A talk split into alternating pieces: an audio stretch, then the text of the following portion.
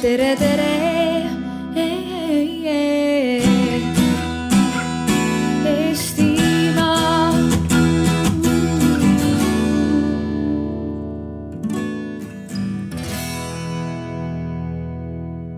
Tere teadusala eelviimasele arutelule täna ja tänavu ka. tänane arutelu on mõnes mõttes seotud niisuguse vahva algatuse või võib öelda ka liikumisega nagu Kust sa tead. et see on üks niisugune, niisugune ettevõtmine, kus me julgustame inimesi just sedasama küsimust küsima kõigi käest. kui keegi midagi väidab, et siis ta peab ka oma väidet põhjendama ütlema, kust ta seda teab, mida ta väidab. ja mm, hea on seda nõuda siis kõigilt. aga üheks väga heaks ja, ja kindlaks võimaluseks, kust väidetele põhjendust võiksime leida, on ju teadupoolest teadus. kui on meil anda viide mõnele teadusuurimusele, no see on selline kindel kindel võimalus, kuidas oma väidetele autoriteeti lisada. või vähemalt nii ju meile tundub. Aga täna arutame selle asja üle natukene võib-olla veel sügavamalt, võtame sammu tagasi ja vaatame, et kui teadlane ütleb midagi, midagi avastab, midagi kirjutab artiklis. me võime ju tema käest ka küsida, kust, kust ta seda ikkagi teab kust, kust teadlane teab seda, mida ta väidab.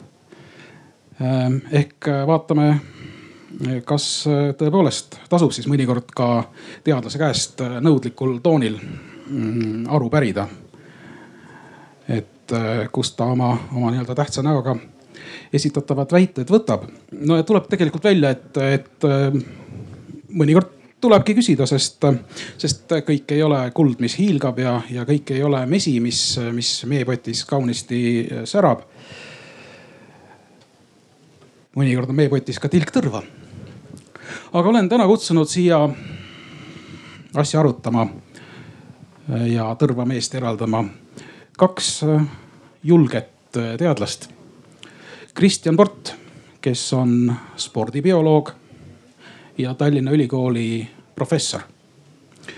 no kõigepealt äh, väikeseks äh, soojendavaks tutvustuseks, et millega üks spordibioloog äh, tegeleb? No bioloogia on selline valdkond, mis üritab vastata küsimusele, mis asi see elu on ja kuidas seda mõjutada saab. sport on selline valdkond, mis üritab sellest elust ühte aspekti kasutada, olgu see hedonism või olgu see inimlike võimete proovile panemine, testimine, arendamine, taastamine, mis iganes. Need kaks, kahte asja kokku pannes üritabki see valdkond ja meie siin teadlastega koos aru saada, et mis põhjustab töövõimet, töövõimega kaasnevat heaolu, kuivõrd palju sellest on kehavälist, kui palju on keha sisse kuuluvat ja, ja ka sotsiaalset. nii et ta on päris selline keeruline valdkond, millele viitab kasvõi see, et ajakirjanduse viimased leheküljed ehk kolmandik on tavaliselt spordile pühendatud, nii et, et see on vaieldamatult sotsiaalselt uurimist vääriv valdkond. Ja teine arutleja meil siin ringis on Ülo Maiväli, kes on molekulaarbioloog ja Tartu Ülikooli Tehnoloogia Instituudi vanemteadur. millega tegeleb molekulaarbioloog Tehnoloogia Instituudis?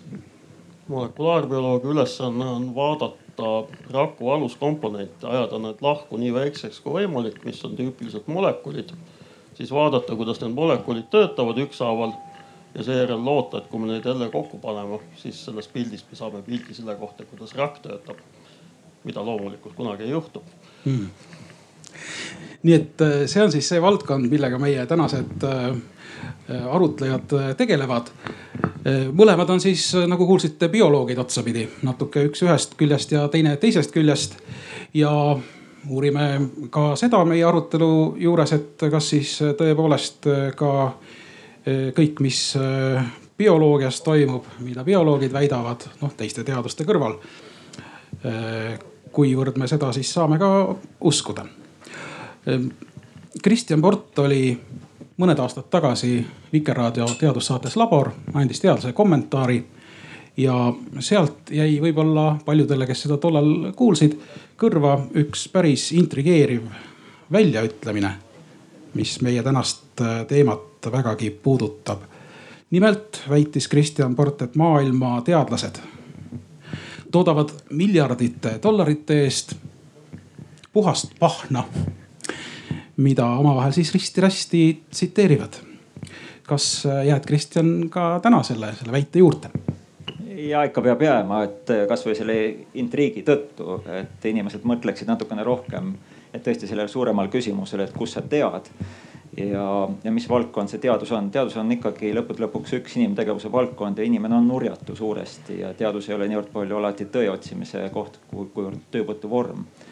ja töökohta õigustades tehakse küllaltki palju kompromisse selle algupärase ideega, mida mida teaduse lipukirjana hoitakse, et me otsime ikkagi objektiivseid vastuseid tegelikkus, me üritame tegelikkust tunnet, tunnetada.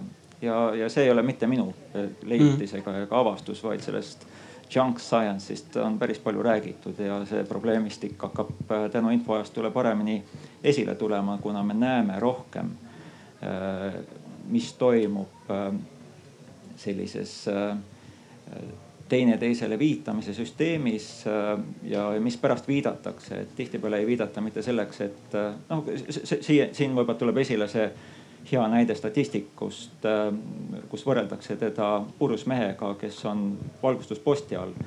et ta ei kasuta mitte valgustusposti valgustuseks, vaid enda püsti hoidmiseks ja tihtipeale sellist kehvapoolset teadust ekspluateeritakse tegelikult selleks, et seda, see teadus saaks äh, inimestele anda võimalus olla teadlane.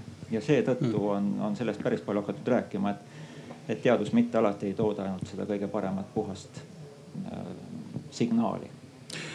Äh, Ülo Maiveli on mõned aastad tagasi samuti juba jah, aeg lendab, kirjutanud äh, teaduse usalduse, usaldusväärsuse teemal ka ühe küllaltki paksu ja põhjaliku ingliskeelse raamatu, mis kannab pealkirja Interpreting Biomedical Science ehk siis biomeedik-, biomeditsiinilise teaduse tõlgendus ja alapealkiri selline nagu experiment, evidence and belief, mis omakorda mõjub ka natukene intrigeerivalt ehk siis eksperiment Äh, tõendusmaterjal ja usk.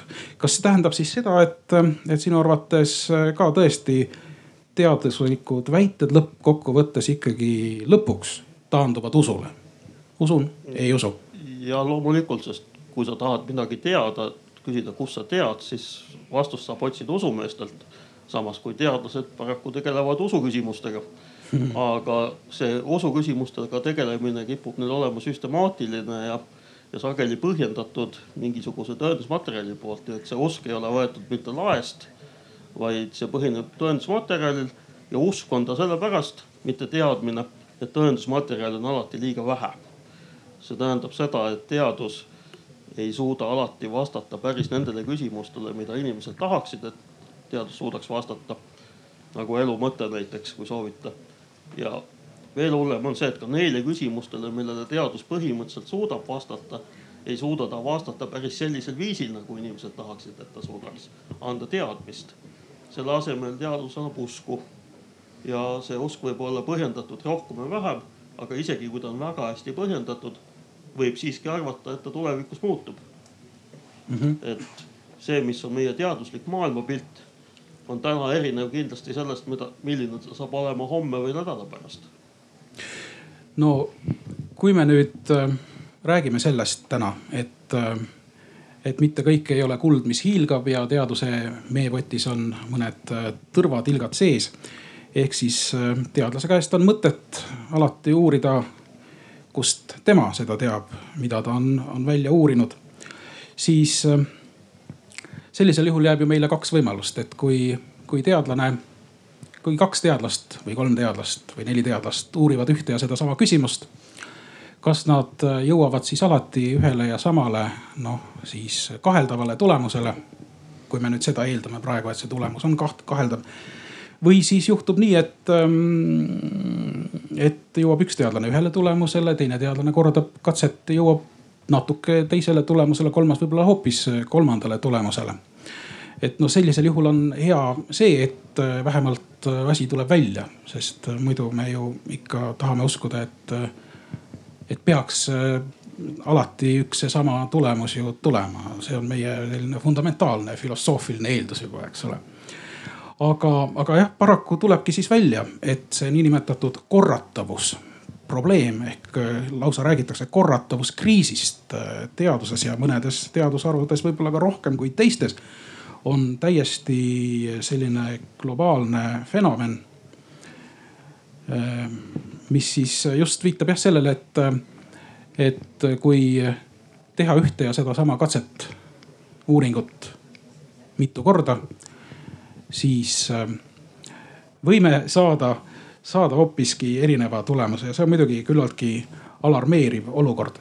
Mm, aga et ei jääks äh, jutt äh, paljasõnaliseks, siis selle kohta on kindlasti mingeid markantseid näiteid jah, võivad meelde, mis tulevad kohe ja paljud saavad neid ise ju üle kontrollida ka, et see on ka üks teadusliku meetodi või ütleme teadusliku maailmavaate äh, positsioon, et, et ära tingimata usu, vaid kontrolli üle ja loe ja vaata, et kust need algallikad pärinevad. aga siin hiljuti, sellest on isegi see hiljuti on tänapäeval üldse aeg transformeerub kuidagi teisiti, aga et noh psühholoogias neid põhiseisukohti, mis on küllaltki olulised olnud ja nad on püsinud väga kaua, kuna neid tsiteeritakse, võetakse lähtepositsioonina paljudele teaduslikele mudelitele.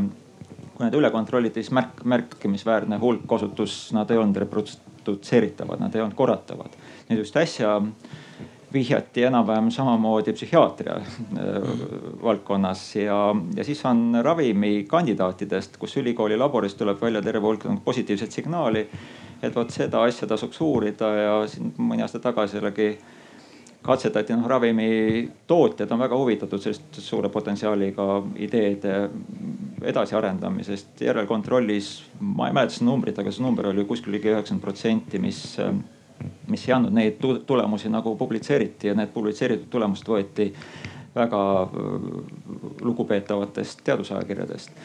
et teatud mõttes võib selle üheks sisuks olla seesama see, millest varsti juttu tuleb ka, et, sihukest be-hacking või, või see statistika äh, häkkimine, aga teine on ka see, et, et meil on väga palju vabadusastmeid, et, et ega see objekt, mida mõõdetakse, kirjeldatakse, ei, ei kuuletu sellele, sellele teaduslikule narratiivile, vaid tal on oma, oma kius ja noh, ravimid on küllaltki hea näide, et kui sa pead läbima ikkagi neli faasi ja see viimane faas on see, et ravim ongi turul ammu juba ja seda proovitakse, siis tuleb välja, et, et tuleb umbes viie aasta pärast turult ära korjata, kuna avastatakse midagi, mida kõik need varasemad pikad faasid ei olnud avastanud. et, et paratamatult see maailm on ikkagi suhteliselt dünaamiline suurte vabadusastmetega keskkond, kus, kus seda seda määramatust on üllatavalt palju, aga see ei tähenda, et me nihilismi peaksime langema, et mis, mitte miski pole kindel ja, ja, ja midagi peaks uskuma ja, ja ma võin tekitada oma väikese mulli. et, et, et see on pigem avatud meel ja kriitiline meel, mida tuleks treenida aga millistes teadusvaldkondades on see korratavuskriis kõige tugevam? millest see oleneb, et mõnes on teda rohkem ja mõnes vähem? Arvatavasti biomeditsiinis on, on teda sihukest pehmetest teadustes kuni öelda, et äh, mõnda valdkonda isegi väga teaduseks nad ise ei nimeta, näiteks toiduteadus. Äh, sealt tugevad teadlased ütlevad, et see väga teaduse moodi ei ole, sest et ta ei ole tõesti, kuigi hästi ta ei produtseeri neid uusi oodatavaid tulemusi, et ta ei ole äh, valiidne selle tuleviku suhtes, et ta suudab seletada mõningaid asju, mis on juhtunud kas toiduteadus selles mõttes, et äh, mida on tervislik süüa, mida mitte või? juba kui tervist defineerida, mida see võiks tähendada, et see on sihukene äh, enigmaatiline nähtus, et, et meil ei ole isegi kokkulepet, mis asi tervis on. aga et jah, et, et kui, kui inimkonna seni elus püsinud äh, suhteliselt rumalalt süües jutumärkides ja kui seda tervisliku toitumise statistikat vaadata, siis koos selle tervisliku toitumisega kaasneb tegelikult äh, toitumishäirete kasv, et, äh, et mm. ju siis ikkagi selles äh, protsessis midagi on imelikku.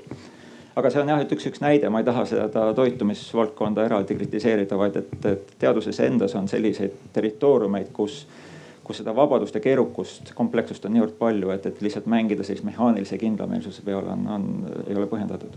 no psühholoogias on palju olnud neid uuringuid ja on kriitikat tehtud, kus, kus sellised päris klassikalised katsed ka noh, näiteks kasvõi tuleb meelde niisugune, niisugune küllaltki levinud nii-öelda fakt, mis faktiks pärast ei osutunud, et et äh, inimene, kes on millegi ebaeetilisega kokku puutunud või, või, või äh, teinud midagi sellist, et siis ta peseb pärast. peseb käsi rohkem. peseb jah, käsi jah. vaat kui tore ja huvitav ja selle kohta on ju hiljem need, oi paistab, et ongi nii, aga kui teha korralik katse, siis tuleb välja, et mm. vist ei ole et, et see on just, et kuidas seda kirjeldatakse, millised soovid on ja jällegi teadus kui töövõtuvorm tihtipeale grandi rahadest sõltub et sa ei lähe ütlema, et kuule, et ma kavatsen teha midagi taolist, mis, äh, mis ei lange kokku olemasolevate arusaamadega. et pigem sa ikkagi juhindud koolkonnast, et, et see, see raha peale saada.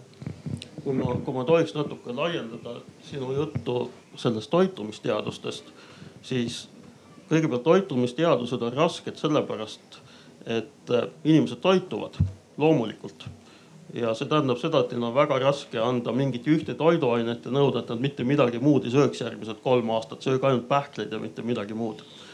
Te võite ju lubada mulle, et te nii teete, aga te tegelikult ei tee. ja seoses sellega on väga raske lahutada erinevaid asju üksteisest. aga sellest hoolimata on, on suur hulk töid väljas, mis väidavad, et üks või teine toiduaine näiteks soodustab vähiteket teil või vastupidi, kaitseb teid vähi eest. ja ajakirjandus hea meelega võimendab neid töid ükshaaval. ja, ja, ja sellega seoses on üks, on üks, üks tore metaanalüüs, mis tehti, kus inimesed võtsid ähm, kokaraamatu, panid juhuslikult näpu peale leheküljele, vaatasid, mis toiduaine peale nad sattusid ja tegid niimoodi sada korda ja siis võtsid kõik need toiduained välja ja otsisid üles kõik tööd, mis neid toiduaineid puudutab seoses vähiriskiga. ja leiti, et praktiliselt sada protsenti on olemas iga toiduaine kohta päris mitu tööd, mis näitavad vähiriski ainus asi, mis juhtub, kui me võtame näiteks tee, kas põhjustab vähki või vastupidi, hoiab ära, võtame esimese töö. selgub, et viis korda rohkem saate vähki, kui te teed joote, võtate teise töö, selgub, et saate kaks korda vähem vähki, võtate kolmanda töö, saate kuhugi sinna vahele ja nii edasi ja nii edasi.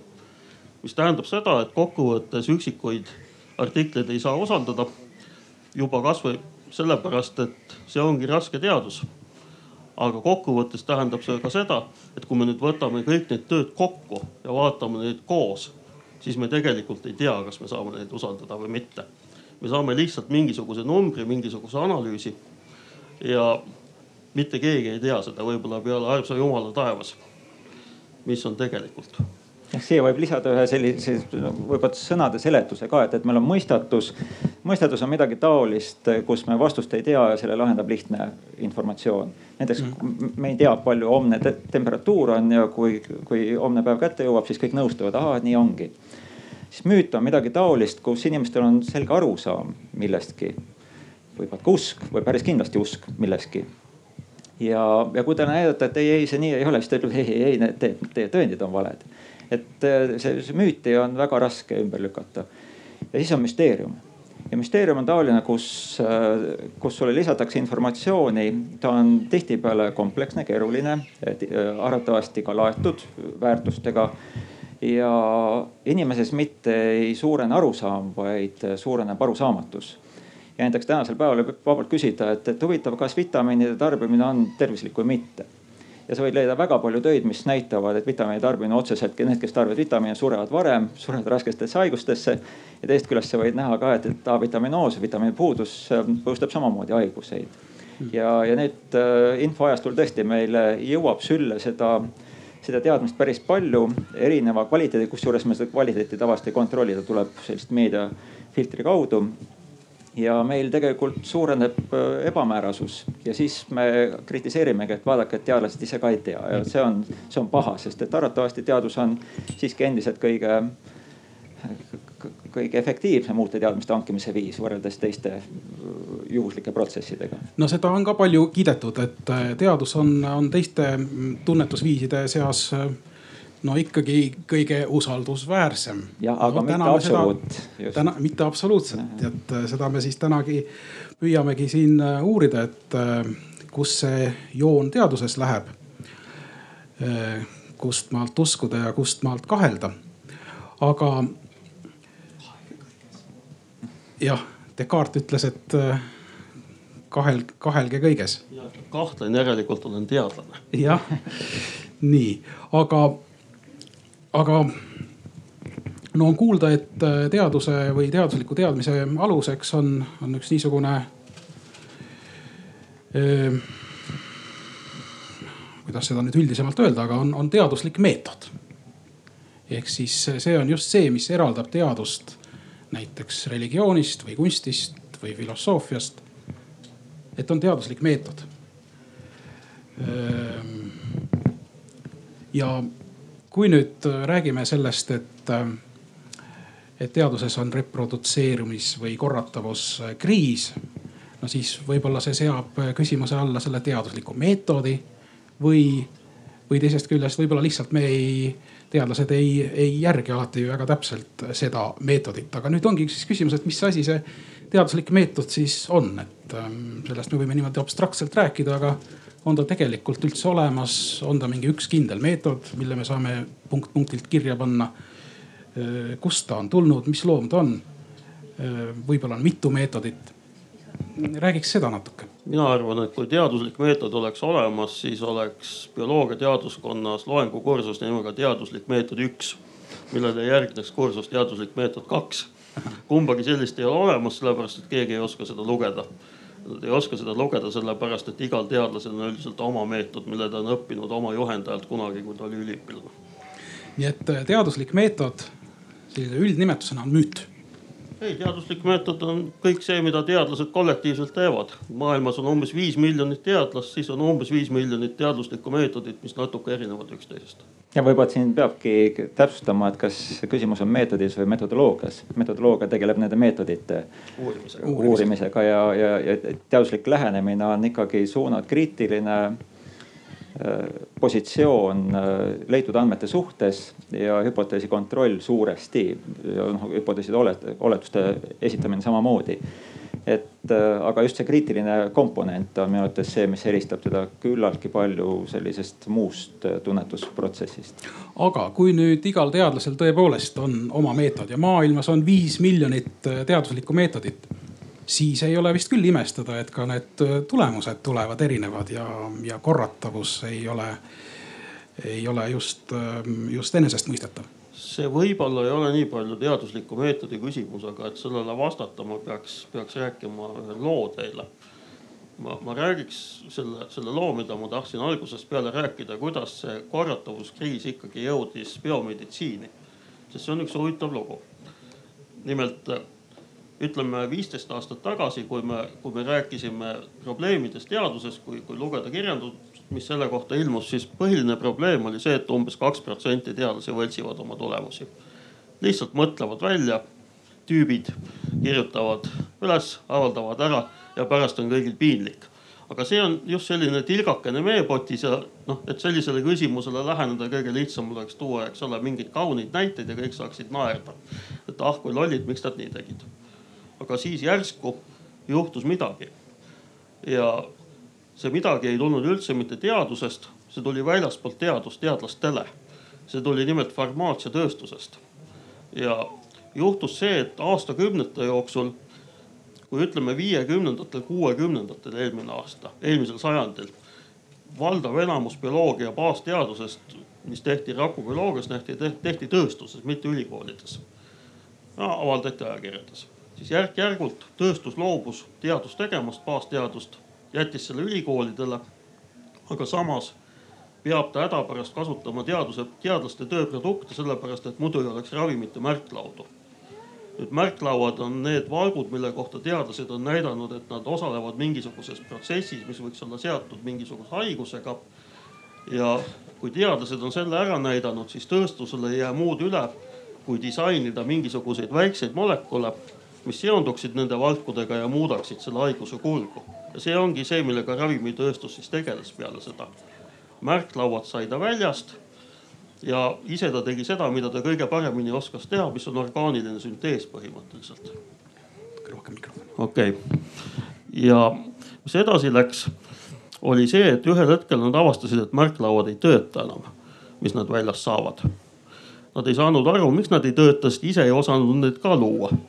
Nad olid selle oskuse kaotanud vahepeal ja mis nad selle peale tegid, nad lõid oma majasisesed osakonnad, kus töötasid sajad teadlased ja nende osakondade ainus funktsioon oli korrata eksperimente, mis olid juba avaldatud peer review ajakirjades, kõige paremates. ja nad kordasid spetsiifiliselt selliseid eksperimente, mis olid olulised, mis olid potentsiaalsed uued märklauad, uued miljarditesse küündivad investeeringud, inimkatsed ja nii edasi. Ja paljudel juhtudel inimkatsed juba käisid siis, kui nad kordasid ja mis juhtus, mis oli täiesti pretsedenditu, oli see, et nad avaldasid oma tulemused. küll väga üldisel viisil, aga nad ütlesid, mis nad tegid. kaks suurt firmat eraldi iseseisvalt kokku analüüsisid sadakond artiklit, enamasti vähiga seotud.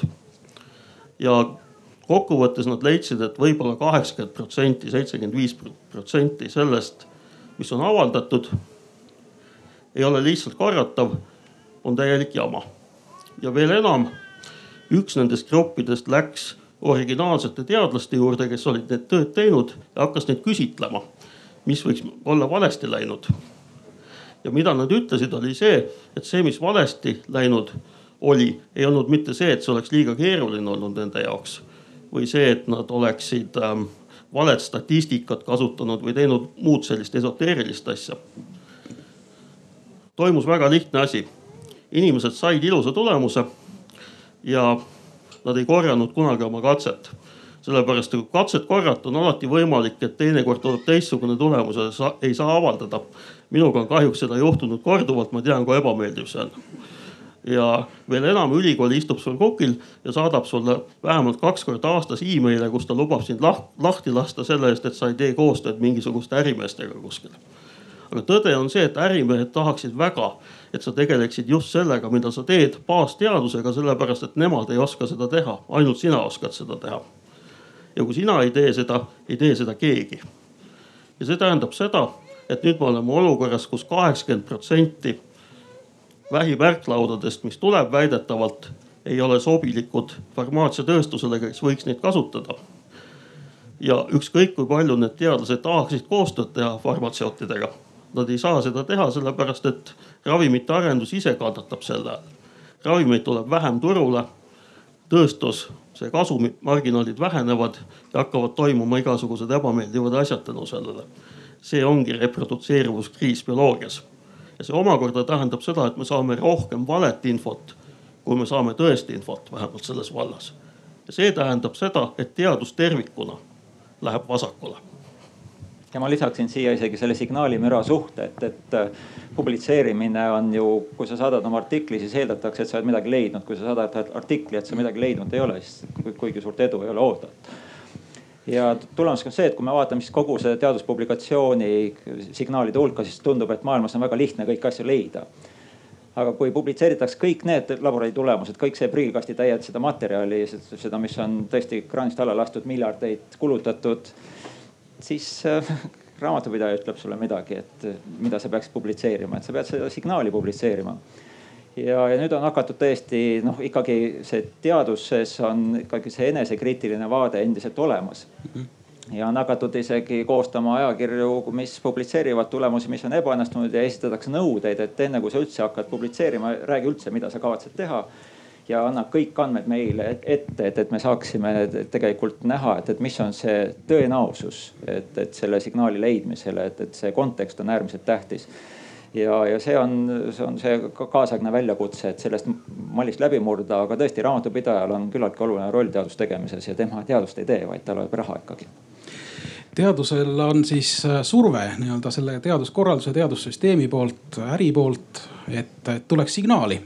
jah, signaali on vaja ja, ja see on, see on siis üks, üks põhjus, miks siis natukene lastakse üle nurga mõnikord.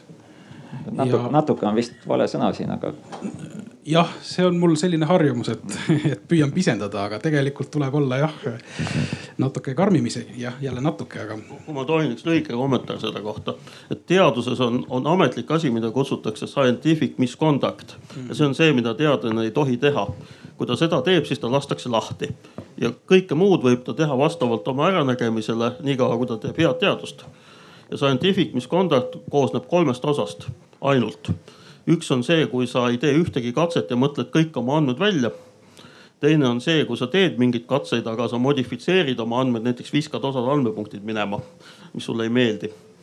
mida tegelikult tehakse väga palju. ja kolmas on see, mida nimetatakse plagiaadiks ja kõik muu, millest siin edaspidi räägime, olgu need B-häkkimised või mingid statistilised trikid, mis iganes on ametlikult lubatud.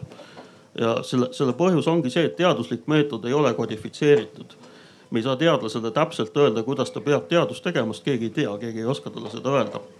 ja see omakorda tingib seda, et selleks, et teadlane teeks ausat teadust, peab ta ise olema aus. ja, ja see tähendab seda, et teadus on nagu pisut nagu moraali küsimus, et teadlane on pisut nagu munk. et äh, ta peab omama kõrgemat moraali. et see oli see, mis ma tahtsin öelda aga tuleb ikkagi välja, et äh, seda teaduslikku meetodit äh, kodifitseeritud ei ole. see on natukene igaühe natukene enda leiutada. ma vabandan jälle oma selle parasiitsõna eest, eks ole. sa võid aga... siiski leida raamatuid, Cresswell näiteks kirjeldab ilusti äh, research methods et, et tegelikult see on olemas ja ta loob teatud mõttes illusiooni või raamistiku, mentaalse raamistiku, et, et millest peaks lähtuma aga me peame sellest ka välja kasvama, et, et muidu me jäämegi sellesse, sellesse väga kitsasse arusaama kinni ja siis seda saab kuritarvitada.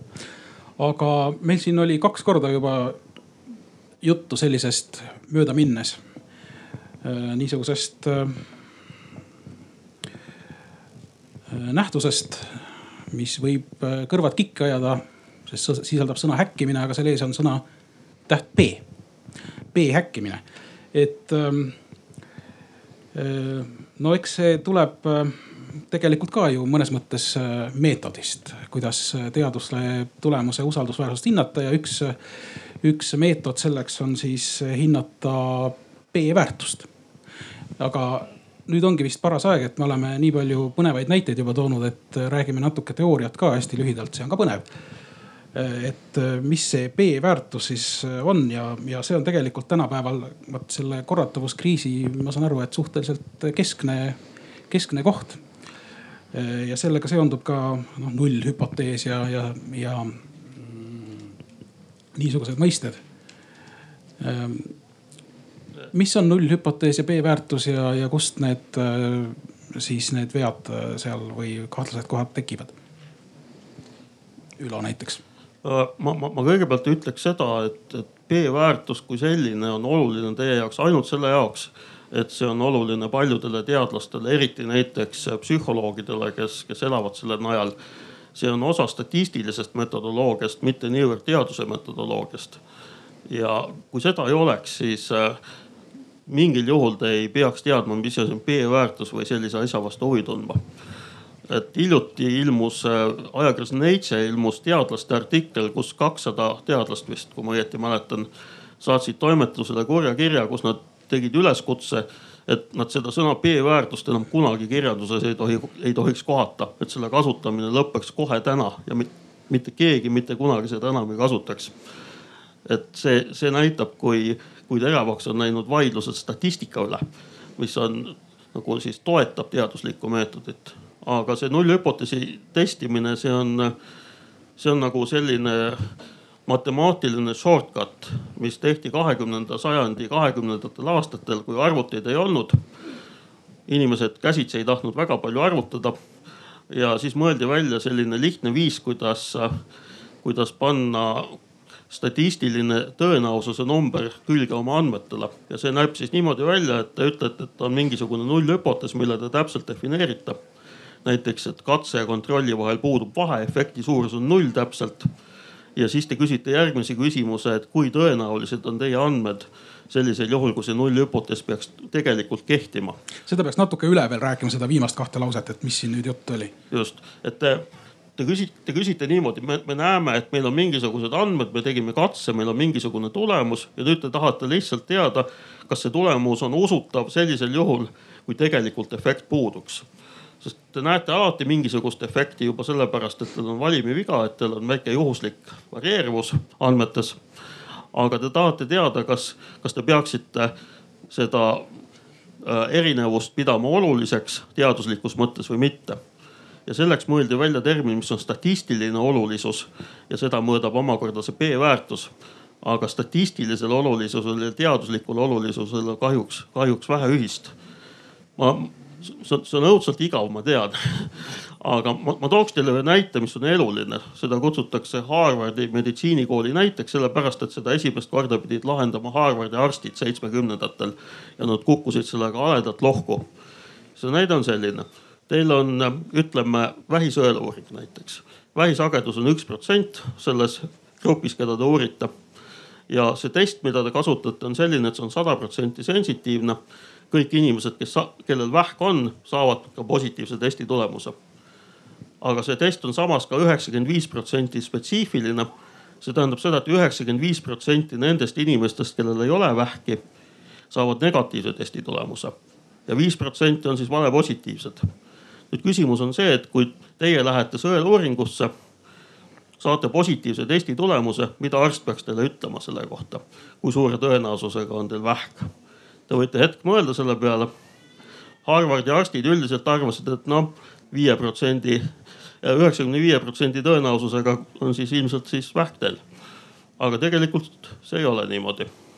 test on üheksakümmend viis protsenti spetsiifiline, sada protsenti sensitiivne. tegelikult on niimoodi, et kui te mõtlete selle peale, et ma andsin teile veel ühe numbri, see on üheprotsendiline sagedus populatsioonis see tähendab seda, et kui meil on tuhat inimest, siis nendest tuhandest inimesest kümnel on keskeltläbi vähk ja need kümme saavad kõik positiivse tulemuse. üheksasaja üheksakümnest inimesest, kes üle jäävad, kes on terved, nendest viis protsenti saavad valepositiivse tulemuse. kui me nüüd vaatame tõeliste positiivsete ja kõikide positiivsete suhet, siis me saame, et mingi seitseteist protsenti on tegelikult ainult vähitõena-, positiivsetest testi tulemustest seitseteist protsenti on sellised, kes ühtlasi on ka, on ka vähipatsiendid. mis tähendab seda, et peale esimest testi on teie tõenäosus seitseteist protsenti olla vähis, mis tähendab kaheksakümne protsendise tõenäosusega te olete terved. ja nüüd juhtumisi on see näide ehitatud niimoodi, et see viis protsenti, mis on vale positiivsete sagedus, see ongi p-väärtus. see p-väärtus null koma null viis on teaduses see kriteerium, mille järgi tavaliselt öeldakse, et erinevus nullhüpoteesist on piisavalt suur. ja see, see näide on hea selle jaoks, et see näitab, et p-väärtus üksinda ei ole kuigi väärtuslik. lisaks sellele on alati vaja teada taustateadmisi ja need taustateadmised antud juhul on siis selle haiguse sagedus või vähisagedus. nüüd äh, aastal üheksa, äh, kaks tuhat viis ilmus selline huvitav artikkel ajakirjas PLOS Medicine, meditsiiniajakiri. artikli pealkiri ütleb, miks enamus teaduslikke tulemusi, mis on iial avaldatud, on valed. ja ta toob sellesama näite, kasutades kaasaegset meditsiini. kui meil on nüüd mingi kaasaegne katse, kus meil, me vaatame näiteks geenimutantide või, või geenivariantide seost mingisuguse haigusega. me vaatame kahte miljonit, kolme miljonit geenivarianti, võib-olla kakskümmend, kolmkümmend neist omab tegelikku seost siis meil juhtub, et seesama sagedus, mis meil alguses oli üks protsent ehk üks sajast, on meil nüüd üks sajast tuhandest. ja see on see, mis juhtub kogu aeg teaduses. ja see tähendab seda, et vale positiivsete sagedus peaks olema vastavalt madalam. aga seda on võimatu saavutada inimlikult. ja see tähendab seda, et suur osa kaasaegsest bioloogiast viimased viisteist aastat on maadelnud selle probleemiga. ja inimene, kes esimest korda julges sellest kirjutada, John Ioannidis kes oli tundmatu Kreeka arst sel ajal tegelikult, sai üle, sai maailmakuulsaks kiiresti. praegu on ta tohutu suure grupi juht ja avaldab sada artiklit aastas sama, samadel teemadel. et äh, arstid olid nõus selle kohe omaks võtma, nad kõik uskusid seda väga kiiresti, et suur osa sellest, mis tehakse, mis teile esitatakse näiteks teadusajakirjanike poolt sellest, kuidas üks või teine geenivariant mõjutab mingit haigust või pikkust või kaalu või mis iganes see on lihtsalt lootusetu ülesanne. see on, see on midagi, mille, mille tõenäosus olla päriselt tõsi on väga väike ja see on loogiline probleem ja sellel ei ole head lihtsat lahendust mitte kellelgi. et see on selle teaduse reprodutseeruvusprobleemi üks omapära. et see võib olla tingitud lihtsalt sellest, et teaduslikud katsed, meetodid, katsesüsteemid on läinud liiga keeruliseks. ja kui see nii on, siis võib juhtuda, et meil ei ole rohtu selle vastu, et meil ei ole mitte midagi, mida me saame teha tegelikult teadus on läinud keeruliseks, aga need kriteeriumid, sealhulgas siis see kuulus B-väärtus on äh, lihtsakoelised, kuigi siin meie siin arutelus me äh, kõlas võib-olla keeruliselt, aga tegelikult on ta. B-väärtus kui, kui meetod pärineb aastast tuhat üheksasada kakskümmend kolm ja see on mõeldud erinevate väetiste mõju hindamiseks põllulappidel algselt. seda kasutatakse täpselt samal kujul väikeste modifikatsioonidega kaasaegses bioloogias, kus vaadatakse miljoneid geenivariante ja üritatakse leida seosed nende vahel. ja mm, B häkkimine on siis äh, B-väärtuse kuritarvitamine, nagu ma aru saan. räägiks natuke sellest, mis asi see B häkkimine on Kristjan. jah, ma isegi jäin praegu selle eelmise, ma lihtsalt oh, rõhutaksin ka seda, et, et kuivõrd äh, mitte, et Ülo seletus oleks keeruline olnud, aga ta vaieldamatult sisaldas palju sõnu ja juhtub ja, ja see hirmutab nii mõnegi inimese ja kaasajal inimesed kaotavad ka mõttelõnga ära ja siis öeldakse, et ma lähtun lihtsalt B-väärtusest kuna see paistab, et on konsensus, teadus ei ole kunagi konsensus, teaduses on väga palju seisukohti, nagu keegi ütleb jah, siis keegi leiab viis inimest, kes ütleksid ei selle peale. aga see B-väärtus aitab äh, nagu maha rahustada, maandada seda, ütled, ma leidsin midagi. Statistiliselt, vaata see on huvitav sõna ka, et statistiliselt oluline. Äh, ja, ja võib-olla isegi, et see, mis see, mis see nullhüpotees on ka, et, et, et, et maailmas ei ole midagi uut. ja kui sina midagi avastasid, siis kas see on midagi erilist, kas maailmas seda ei juhtu ja kui B-väärtus ütleb, et seda juhtub selles maailmas, selles tavalises maailmas ka, nüüd see, kui tihti seda juhtub. et mis see õigus sul on öelda, et sa oled leidnud midagi, mis on eriline. ja vot see on see B-väärtuse olemus ja ja see on huvitav, et äh, Ronald Fisher, kes seda kasutusele võttes võttis ta lõi selle kliinilise või on väga olulisel määral see kliinilise äh, uuringu metodoloogia autor, kusjuures ta oli pöördumatu suitsetaja ja ainuke, mida ta ei uskunud, et, et need tõendid, et suitsetamine vähki tekitab ja kahjulik on, et selle vastu ta absoluutselt seisis. hoolimata, et talle võis tõestada seda äh, vastupidist. ta uskus, et vähk põhjustab suitsetamist, et inimesed, kellel on varases staadiumis vähk, tunnevad vajadust tõmmata üks suits selle peale. just, aga, aga just, et tulles nüüd selle B-häkkimise juurde tagasi, et, et kui tõesti teed ühe korra katse, siis äh, ütleme täiesti juhuslikult sa võid leida seal väga õrnalt, väga õrna signaali, väga väikese signaali, see üks kümnest tuhandest ja, aga see on statistically significant ja siis ütled, okei okay,, nüüd, nüüd jookseme ära, nüüd jookseme publitseerima, trükime ära ja, ja this is it. ja sa, sul ei ole mingit julgust teha seda katset uuesti proovida, mis siis, et see, see signaal oli üks millimeeter seal sellest, sellest kilomeetrisest äh, mõõdustikust aga sa oled midagi leidnud, sest et äh, teaduses on see publitseerimise sund ja tehakse ju seda, mida mõõdetakse. Ja tulemuseks on see, et seda B-häkkimist võib ühel, teisel, kolmandal viisil teha, et kuus muudetakse üheksaks ja mida Üle kirjeldas ka, et jätame mõned arvud välja. oi, see mõned arvud kindlasti on valed olnud, see, see kuus paistab väga üheksa moodi ja, ja tulemuseks on see, et, et meie, meie kohustus mitte ainult minu enda ees, vaid labori ees. meie, meie sissetulek või edu sõltub sellest, mida me teeme ja tagajärjeks ongi see, et seda, seda häkitakse sõna otseses mõttes. klassikaline viis B häkkimiseks, mida võib kasutada igaüks on, on väga lihtne, kuna ei ole ühte parimat statistilist meetodit selles valdkonnas vähemalt ja B-väärtusi võib arvutada väga erinevate mudelite alusel väga erineval viisil, siis miks mitte võtta samad andmed ja arvutada kolmesajal erineval viisil B-väärtused, võrrelda kolmesadat erinevat B-väärtust ja avaldada see, mis on neist kõige väiksem. mida väiksem B-väärtus, seda kaugemal on teie andmed nullhüpoteesist. seda rohkem võiks teile tunduda, et teil on tõendusmaterjali, et nullhüpotees ei kehti ja see kontroll on väga raske, seesama Harvardi näide või siis teine analoogne näide on see, et, et sul on üks kümnest tuhandest äh, tõenäosus, haigus esineb ühel inimesel kümnest tuhandest, raske surmav haigus, sa teed testi, tuleb välja, et äh, test annab testi äh, ütleme tundlikkus ja selektiivsus mõlemad üheksakümmend üheksa protsenti, et kui sa saad siis testi tulemuse, et sinul on see haigus, siis intuitiivne mõtlemine ütleb, et oi järelikult mul on see haigus olemas. Ikkagi, et üheksakümmend üheksa protsendil juhtudel see test paneb paika ja ühe protsendi jätab, vabastab inimestest, aga, aga kui nüüd natukene arvutadagi, natuke tempot maha võtta, tuleb välja, et sinul see tõenäosus on kuskil su suurusjärgus üks protsent. aga see tundub, et on pigem üheksakümmend protsenti.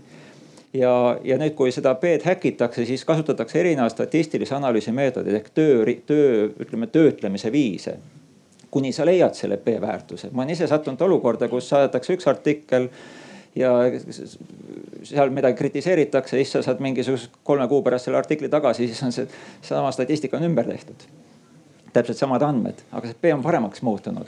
Ja siis, siis see näitab sellest, et see P paistab, et on tähtis, mitte see, et ma olen maailma midagi uut toonud, et, et seda julgust ei ole öelda, et ma ei leidnud midagi. kuna ka mitte leida on tegelikult kasulik, ärge, ärge sinnapoole minge, et otsige kuskilt mujalt, aga kõik lähevad ja siis otsivad ja vaatad ka, et pagan, see kuus tuleks üheksaks teha ja, ja siis äh, tekibki sihukene emergent property, et, et, et tärkab uus teadus, mis äh, noh, mulle meeldib see näide, kus Ptolemaiose äh, planetaarse süsteemi kirjeldus. teadlased tuhat viissada aastat leidsid ainult tõendeid, mispärast see tõene on. kuni lükati ümber, et ei, ei, ei, maa ei ole päikesesüsteemi keskpunkt aga seni otsiti ainult tõendeid, mis ütlevad, et, et see maa on kogu, kogu universumi keskpunkt, et. et samamoodi sa leiad neid koolkondi, mis hoiavad sellest valest teadmisest tükk aega kinni. ja kui me Üloga siia tulime, sõitsime autos koos, siis tuli meelde see tsitaat, et teadus areneb üks surm korraga. et see autoriteet peab eest ära surema siis saavad need jüngrid, kes võib-olla mõtlevad julgemalt ja avastavad, et see asi ei olegi nii, et prügikastist leidsin mingid numbrid, mis sinna olid visatud, et, et maailm on natuke teistsugune, et siis, siis see teadus natuke liigub edasi. aga see kõik eeldab seda, et me mõtleme kriitiliselt, mitte destruktiivselt ega norivalt ega mahategevalt, aga et, et konstruktiivselt, et kas ikka nii on siin on teile mitteteadlastele, kui teie hulgas juhtub mõni olema, selline hea näide, kus te võite näidata, et te olete targemad kui, kui enamus teadlasi, sest teie seda viga ei tee. ma, ma toon teile näite. Äh, te olete kaitseadvokaat näiteks ja teil käivad järjest läbi kaitsealused. mõni on koera peksnud, mõni on kellegi tapnud, nii edasi, nii edasi, aga teil on alati täpselt sama kaitsetaktika. Te ütlete alati, et see on CIA vandenõu, luure keskagentuur tegi. nüüd andmed, ükskõik mis ei ole kogutud ka on alati kooskõlas teie hüpoteesiga, sest luure keskagentuur on tõesti võimeline seda lavastama, teie klienti süüdlaseks, tal on see võimekus täiesti olemas.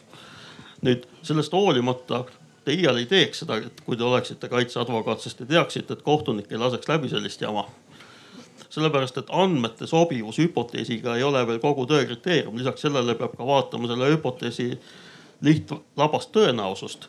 kui peaks, kui teil on veel mingisuguseid tõendusmaterjale selle kohta, et luure keskagentuur võiks olla huvitatud teie kliendist näiteks, siis see võiks olla täiesti normaalne kaitsetaktika. aga senikaua, kui teil ei ole seda, sellest ei piisa. aga teadlase jaoks piisab suurepäraselt, sest see ongi B-väärtus. B-väärtus on andmete sobivus hüpoteesiga. ja on miljoneid, kes avaldavad oma artikleid, mis omakorda maksavad miljardeid just sellel põhimõttel. ja nii et äh, nüüd me oleme natukene õppinud tundma ka lisaks äh, teaduslikule meetodile ka siis äh, ühte meetodit, kuidas oma teadustulemusi häkkida. ja, ja, ja saanud teada, et seda esineb ikka paratamatult väga palju ja süüdi on tihtilugu selline väline surve teadlastele või, või siis äh, ka tegelikult teadlaste poolne järeleandmine sellele survele, mida, mida üks eetiline teadlane ei, ei peaks kas, tegema. kas see on tingimata väline surve, et ega teadlane on ikkagi väga tugeva egoga Aha. ja tal on vaja, väga raske on sellest, kui, kui, kui, kui uurida või filosoofid päris palju üritavad käsitleda seda, mis asi on see knowledge või teadmine. et see on see põhjendatud tõene usk, et see ususõna tuleb siin uuesti esile mm. -hmm ja, ja teda nimetatakse ka omandiks, et sa pead midagi tegema, et sa võtad selle enda omaks. ja see omandist loobumine on, on päris raske, et, et kui sulle öeldakse, et see lausa nii ei ole.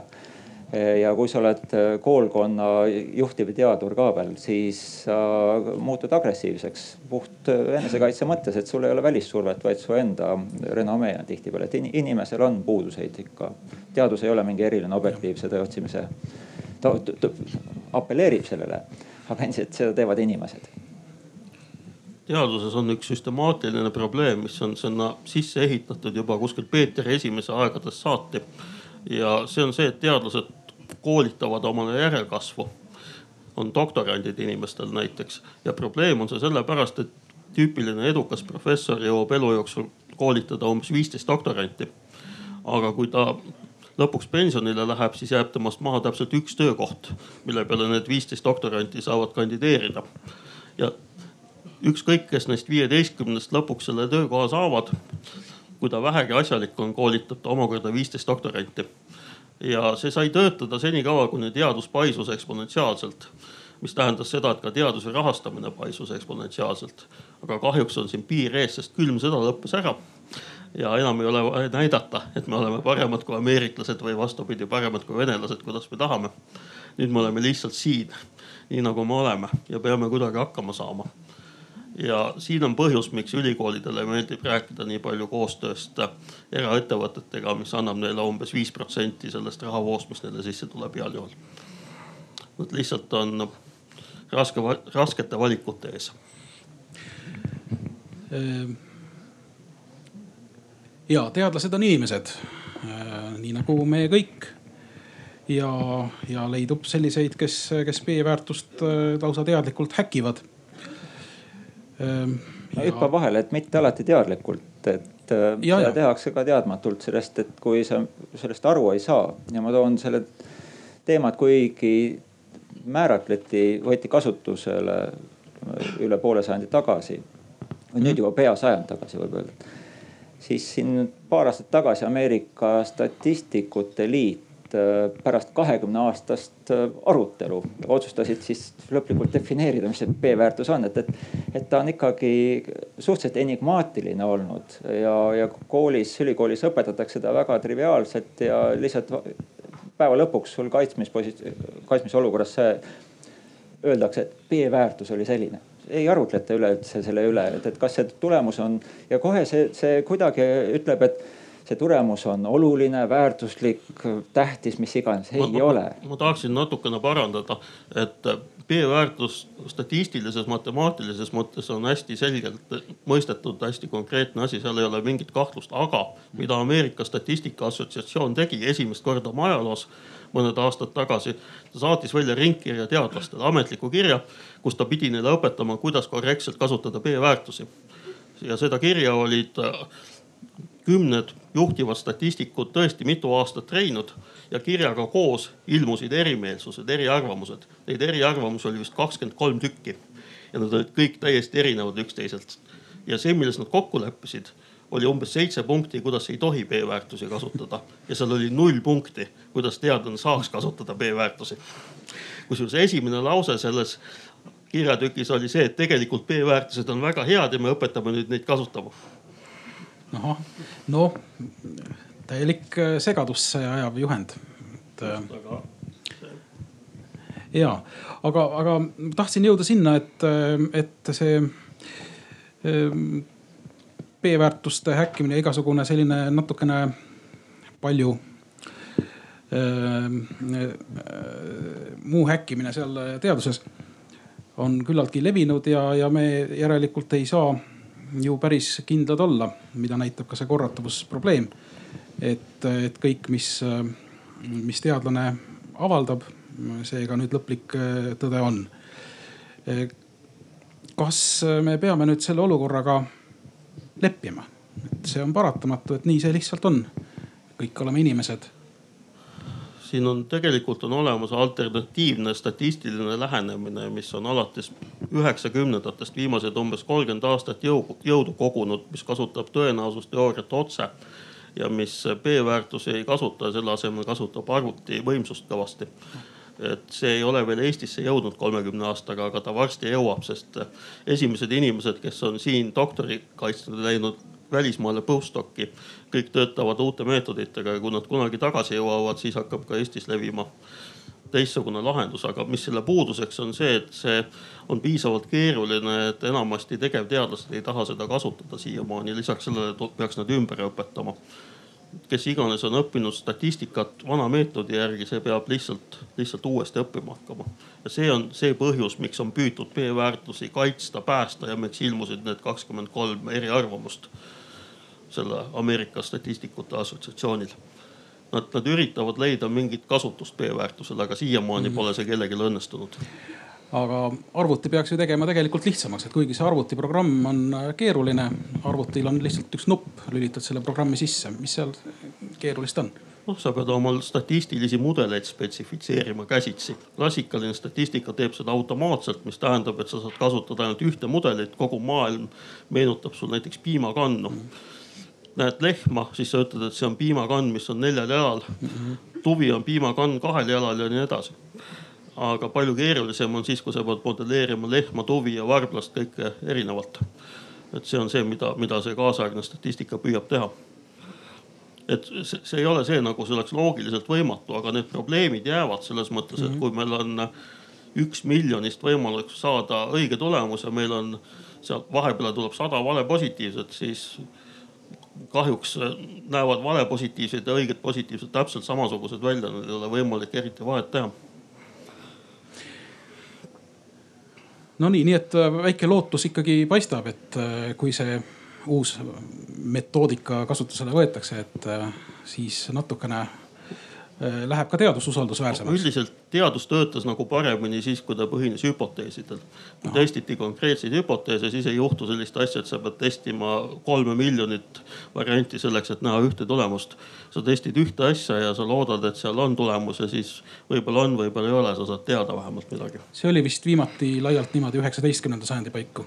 no see on siiamaani niimoodi, lihtsalt osad teadlased lähtuvad hüpoteesidest ja teised mitte võib-olla teadusajakirjandusse jõuavad pigem need, kes avastavad suuri asju suurte andmete pealt. jah, võimalik, võimalik.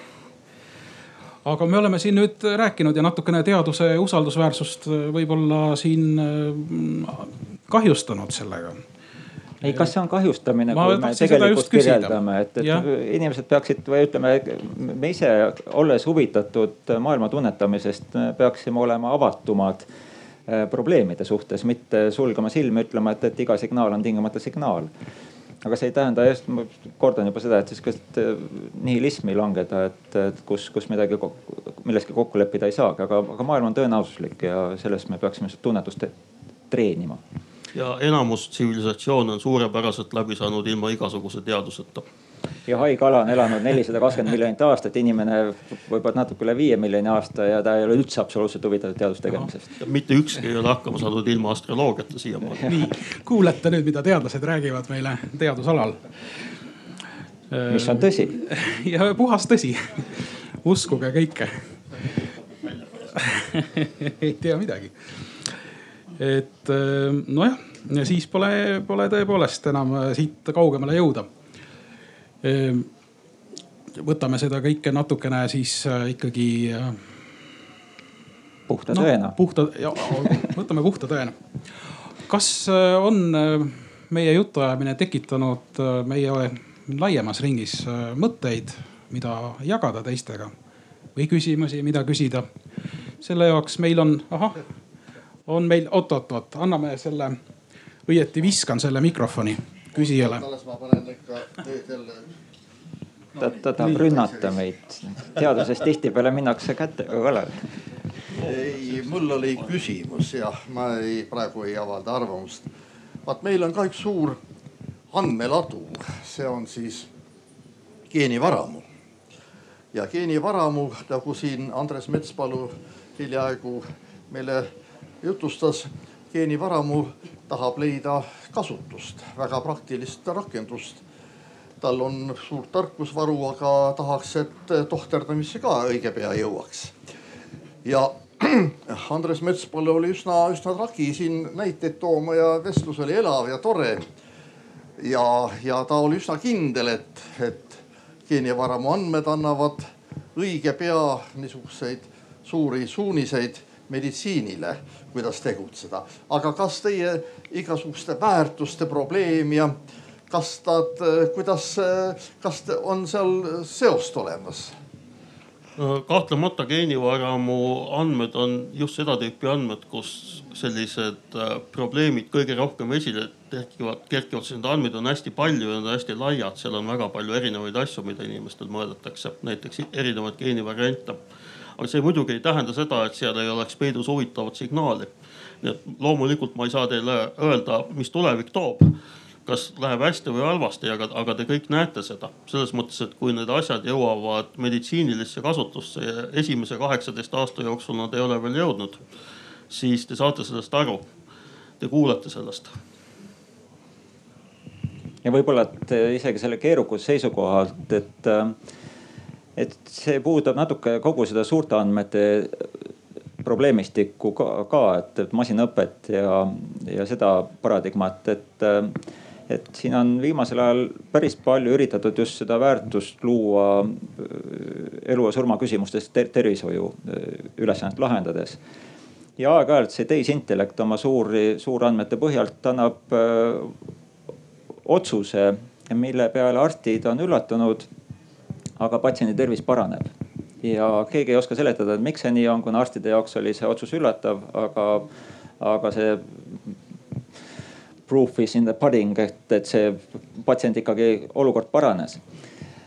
ja aeg-ajalt ja seda on demonstreeritud, see masin annab öö, otsuse, millest taaskord keegi aru ei saa, aga patsient sureb ära. ja, ja nüüd tekib küsimus, aga kas me saame siis öö, käia selle loogilise ahela läbi, et kus on see vimka, et kus on see probleem. Ja vastus on, et ei tea, et ei ole võimalik, sest masinaõppe algoritmide džunglist aru saada seda lähteloogika ahelat. ja see tekitab selle uu, uut tüüpi probleemistikku, et äh, kindlasti me lahendame mingisugust probleemi, aga, aga sama ka kaasneb alati see, see ohutsoon ka. Näen siin ühte kätt tõusmas, viskan, viskan kohe mikrofoni see, mis te rääkisite, et sinna programm musta sisse äh, määrab ravi ja, ja siis mõnikord läheb paremaks, mõnikord sureb ära. kui tugevalt siin on välistatud juhus? mõned inimesed surevadki ära, mõned inimesed paranevad, see keskmisele regresseerumine vist on üks nähtus või mm? -hmm. et kas need on ikkagi välistatud sellisel juhul? On ikkagi arvuti otsuse tagajärg see? jah, see on hea küsimus loomulikult, et kuidas defineerida juhus on, juhus on see, mida keegi ei osanud oodata ja ei oska seletada ka, et, et, et noh, on ka. no statistilises mõttes. ja noh, jah, ma ei tea, selle võid välja lõigata, aga shit happens, et see on see sihukene sihuke traagiline belletristiline väljend asja kohta, mida me ei oota, aga mis paratamatult realiseerub või siis Black Swan, mida Nicolas Nassim Taleb kirjeldab, et, et me ei saa vältida neid, aga kas me peame tõlgendama neid põhjuslikuks protsessiks, see on see, kus me tahame, kipume olema inimesed, kes tahavad ehitada üles põhjus-tagajärg ahela. et kui me vaatame, ma ei tea, detektiivseriaali Hercule Poirot'st ma usun, et enamus inimestel on esimese kümne minuti jooksul selge, kes on mõrtsukas sellepärast, et me ehitame üles just ja selle, selle peale kirjanik ju stsenarist loobki selle skeemi, et me tahame kogu aeg üles ehitada seda, seda ahelat, et mis, mida põhjustab kuni see üllatus tuleb päeva lõpuks, et, et see, see murtsukas on see, kelle varvast esimeses kaadris nähti. et, et see on see probleemistik, et me oleme liiga palju seletavad masinad ja meil on väga raske jagu saada sellest juhuslikkuse olemusest. aga juhuslikkus on meie elu üks osa ja me peaksime ja siin tõesti tekib palju suurem probleemistik äh, seoses kvantfüüsikaga. et, et kuidas need osakesed, äh, mida me ei suuda defineerida või meie asukohta meil on väga raske määratleda, kuidas nad moodustavad sellise konkreetse maailma, nagu me ise oleme et, et see on üks äh, suur väljakutse, et kuidas sellest mõtlemismalli äh, ennast treenida, et, et seda, seda kaasata, aga ju see on vaieldamatult olemas. sain ma siis nüüd õieti aru ikkagi, et see väide ei ole täiesti kindel, et need, need paranemised või, või ja, suremised on ikka no,. ütleme, kui me teeme, kui me teeme sada paranemist, siis me ei saa öelda, et kõik sada oleks juhus olnud, vaid see on väga-väga noh väikese tõenäosusega, aga ei ole välistatud. ja nüüd on, on küsimus, et kas me teeme selle väärtusotsuse või mitte, et see on pigem väärtusotsus, mitte infootsus. point, point on see, et juhus on sinus eneses, et see ei ole mitte mingi kvantmehaaniline süsteem, see ei ole Schrödingeri kass, kes ära sureb, see on patsient. ja tegelikult seal on mingi põhjuslik seos olemas, aga me lihtsalt ei tea, milline see on ütleme, et see on juhus, tänu sellele me saame öelda, rääkida tõenäosustest. tänu sellele me saame arvutada kasvõi neid samu B-väärtusi või midagi paremat. aga kokkuvõttes juhus on meie peas, mitte maailmas väljaspool kvantmehaanikat. vähemalt me ei pea eeldama, et maailm oleks juhuslik ei, maailmas on ju, siin on hea diskussiooni tekitamise koht, et, et keerukus ise sünnitab juhust, et et mida komplekssem süsteem, seda rohkem esineb midagi, mida ei ole võimalik tagasi kerida, et ära seletada, et, et järelikult ta täidab neid juhuse kriteeriumeid et.... nii, kellel on soovi seda sinist kasti püüda, võib tõsta käe. sest äh, viska umbes, vaatame. jah, kes pihta saab. tabab, tabab teadlast või mitte, et teeme ennustuse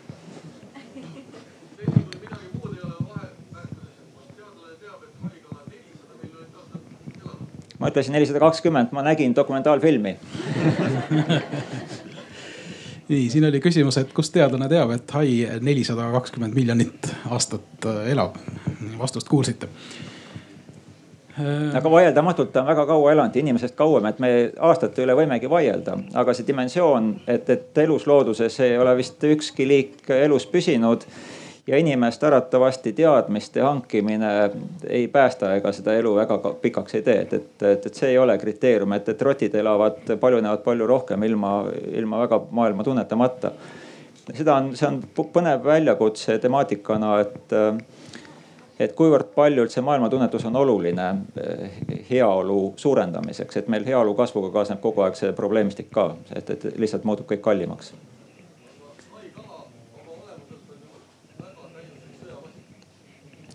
sõja paljunemise masina, ta on. kakskümmend miljonit aastat teinud seda edukalt, meie oleme sada tuhat. jah aga püüaks need küsimused formuleerida siia kasti, et kui on kasvõi haikala kohta küsimusi, et siis selle jaoks on see et äh, meil on siin helisalvestus. aga, aga ma vastan sellele küsimusele, et küsimus oli, et, et äh, kas me peaksime haigala moodi rohkem püüdlema või mitte, et, et võib-olla, võib-olla see küsimus on huvitav selles mõttes, et kas haigala mõtleb, et saaks lõpuks ometi inimeseks või et ahv mõtleb, et saaks ometi inimeseks ja vastus on, et, et viimase aja teoreetiline seisukoht on see, et, nad ei hakka iialgi muutuma, kui nad on nii edukad olnud. miks nad peaksid muutuma? Et aga meie edu ei ole sugugi garanteeritud, meil on praegu lõbus olla, aga, aga me oleme kogu aeg väga mures oma tuleviku pärast ja et oleks veel lõbusam, siis äh, mida rohkem lõbusaid küsimusi, seda parem. Ehm, sest kogu meie jutt on ju olnud, äh, kuidas võtta, eks ole, kas, kas lõbus naljakate näidetega või, või kurb hoopis jah. et see on nagu see teatrimask. lõbusa matuse jutt. jah Eesti matus. Eesti matus. jah, aga mis siis edasi, kas meil on lootust? hoopis. tekkis küsimus, palun. Äh, mul on selline küsimus, et, ähm, et kui vaadata selliseid üldisi meeleolusid, siis praegu on jäänud mulje, et, ähm, et äh, et teadlaste seisukohtasid tsiteeritakse vastavalt sellele, mida sa ise usud. et on tekkinud selline konfliktolukord, kus igaüks tsiteerib mõnda teadlast. ja et selline nagu objektiivne, noh tõde on natuke kadunud, nagu siin tihti ka viimasel ajal räägitakse, aga mis te ise arvate, et mida annab ära teha selle jaoks, et, ähm, et äh, inimestel tekiks selline objektiivsem usaldus teadlaste vastu ehk siis, et ei tekiks sellist olukorda, kus igaüks ütleb, et äh, et mina lugesin kuskilt, et üks teadlane ütles niimoodi ja teine siis vastab täpselt samamoodi, et mina lugesin kuskilt, et keegi teine teadlane vastas teistmoodi. et kuidas tekitada selline olukord, kus äh, inimesed leiaksid nagu ühise autoriteedi teadlaste seas, et ei tekiks sellist pidevat vastuolu ja selle tagajärjel ka sellist nagu teadlaste äh, arvamuse äh, noh, sellist nagu avalikku allakäiku, et, et mõeldakse tihti, et et ma üldse ei tea, kes see teadlane oli, kes seda ütles ja, ja võib-olla ta üldse mõtles kuidagi teistmoodi. ehk siis kuidas sellist nagu objektiivset usaldusväärsust tõsta teadlaste seisukohtade osas? jah, kuidas taastada objektiivsus või objektiivsuse äh, taju? selleks peaksid teadlased käituma paremini nagu mungad senikaua, kuni nad seda ei tee ei ole ka põhjust väga uskuda sellesse objektiivsuse, mis sealt tuleb. me rääkisime enne sellest, mis juhtus Andrus Veerpalu ja dopinguga, kus teadlased olid võtnud kirjaliku kinnituse kahtlusaluselt, et tema on puhas ja peale seda nad uskusid sada protsenti, et kõik on korras. ja kogu süsteem, kogu aur läks selle peale, et leida argumente oma usu kinnituseks.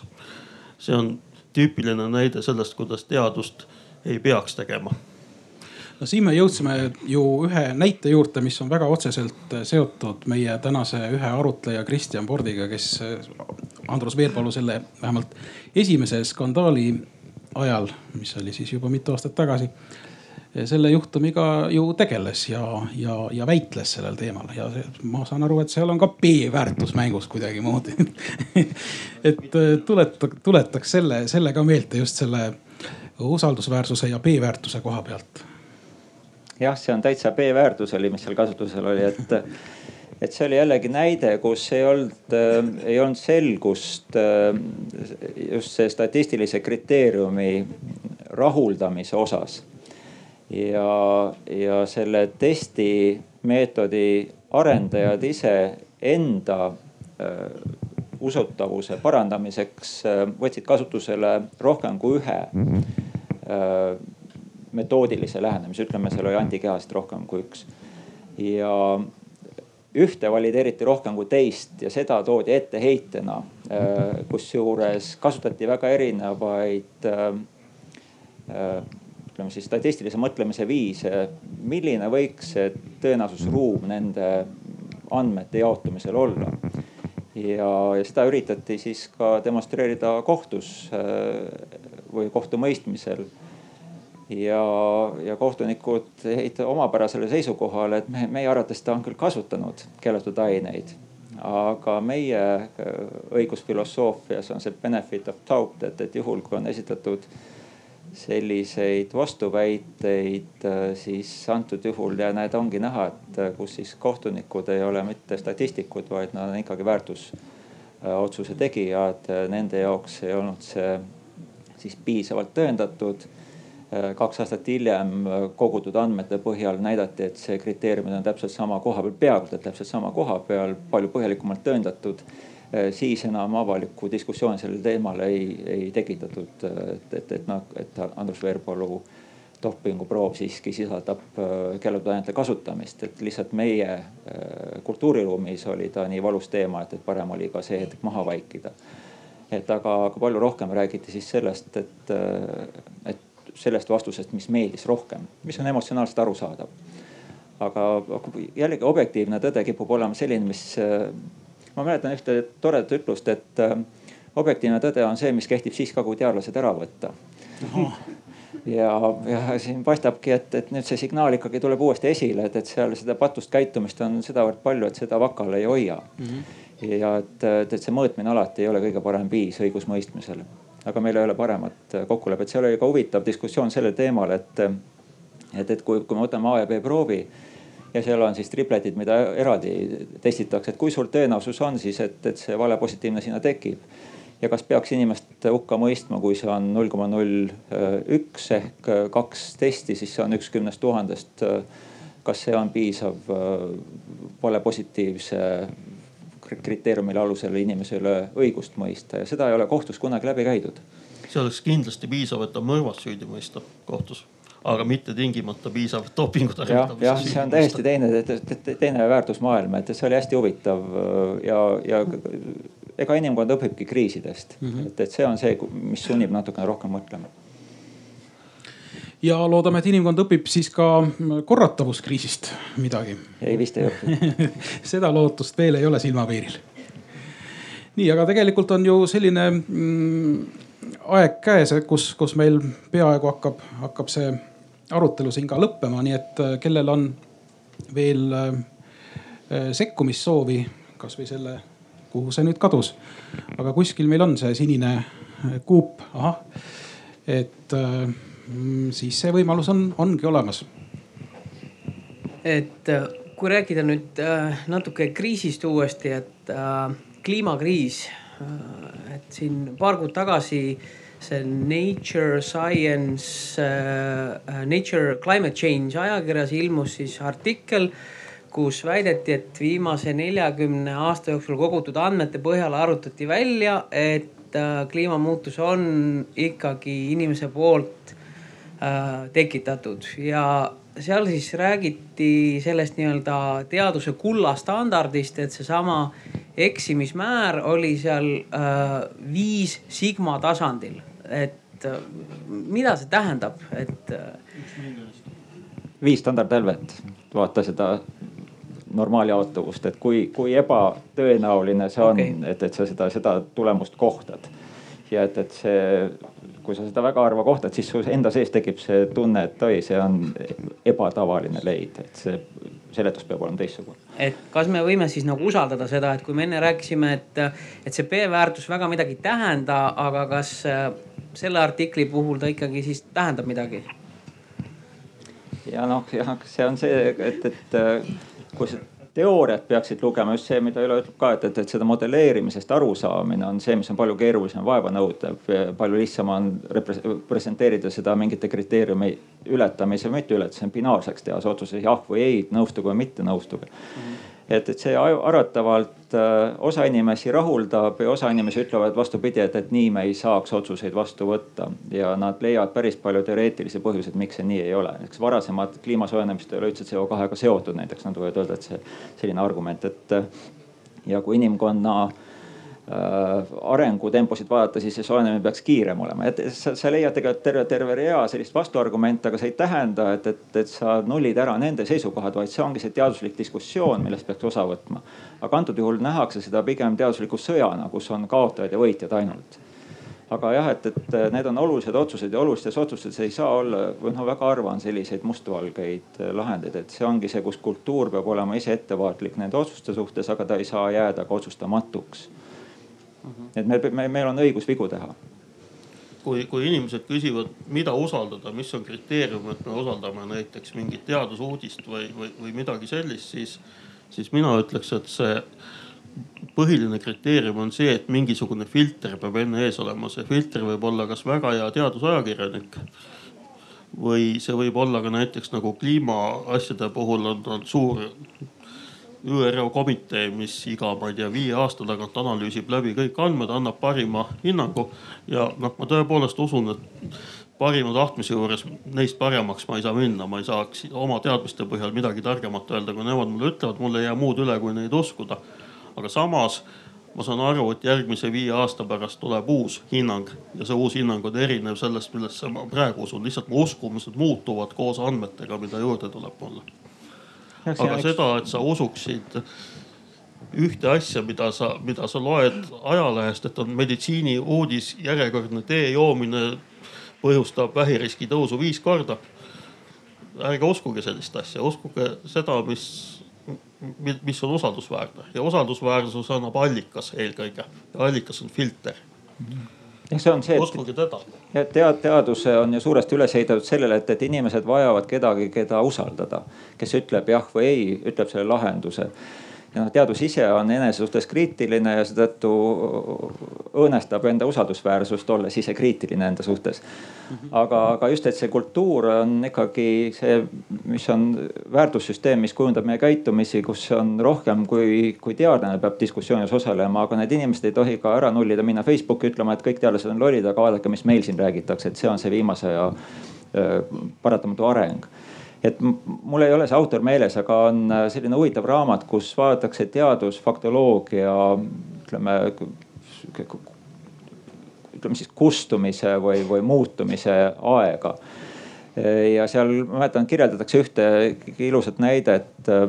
see maksahaiguste eriala spetsialistidele antakse siis viimase paarikümne aasta teadusartiklid maksahaiguste suhtes ja palutakse hinnangut, et kas see on, peab paika, kas see on äh, vale äh, või see on äh, ajast maha jäänud. ja, ja niimoodi analüüsides jõuti järelduseni, et enam-vähem see maksa valdkonnas, haiguste valdkonnas teadmiste kustumise või, või hääbumise aeg on umbes neljakümne aasta jooksul viiskümmend protsenti. see tähendab, et üks arst, erialaarst, juhul kui ta ennast ei täienda pidevalt, siis ta oma karjääri lõpuks pooled tema seisukohad on valed. et aga see ei tähenda jällegi, et, et nüüd me kõik sureme maha, vaid, vaid me tolereerime, tegelikult me saame hakkama tegelikult ka vigadega päris hästi, me oleme valmis vigu parandama meditsiinis on valdkondi, kus see poolestusaeg on pigem viis aastat. ja on, on kindlasti on valdkonniti eriti, füüsikas oli natuke pikem ja mõnes valdkonnas päris kiire ja siin on neid uusi valdkondi, mis juurde tuleb ka. aga me peame ise tarbijana valmis olema selles suhtes, et, et meile, me oleme avatud vigadele ja me peaksime vaatama seda vigade enda, vigade parandamise valmidust ka, aga kui me ei riski, siis me mitte kuhugile ei jõua. et jällegi teine paratamatu. -hmm elu on tõenäosuste nihutamine. jah, ajutine korrastatuse seisund lõpeb alati surmaga, et sellega sobib ka arutelu lõpetada, aga kui kellelgi on veel sekkumissoovi, siis äh, ma näen, et on, et äh, palun äh, visake see kuubik küsijale, jah. olen Peep Nemvalts Tallinna Ülikooli Teaduskeele Keskusest. ma viiks selle jutu natukene teisele pinnale siin kõlas mitmel korral teadlaste suust sõna positiivne ja negatiivne.